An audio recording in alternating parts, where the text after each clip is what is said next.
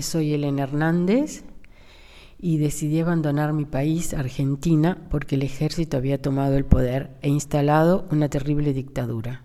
Durante la dictadura se violaron muchos derechos humanos, lo que me hizo vivir con miedo, incluso tener un mapa contigo estaba prohibido.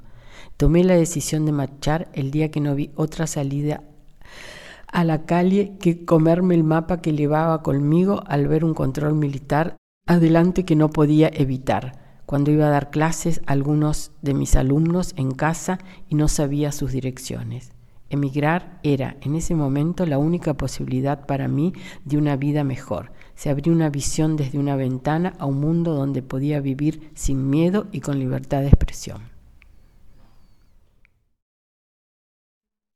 Sentirme en casa es justamente un poco estar, sentirme que no corro peligro.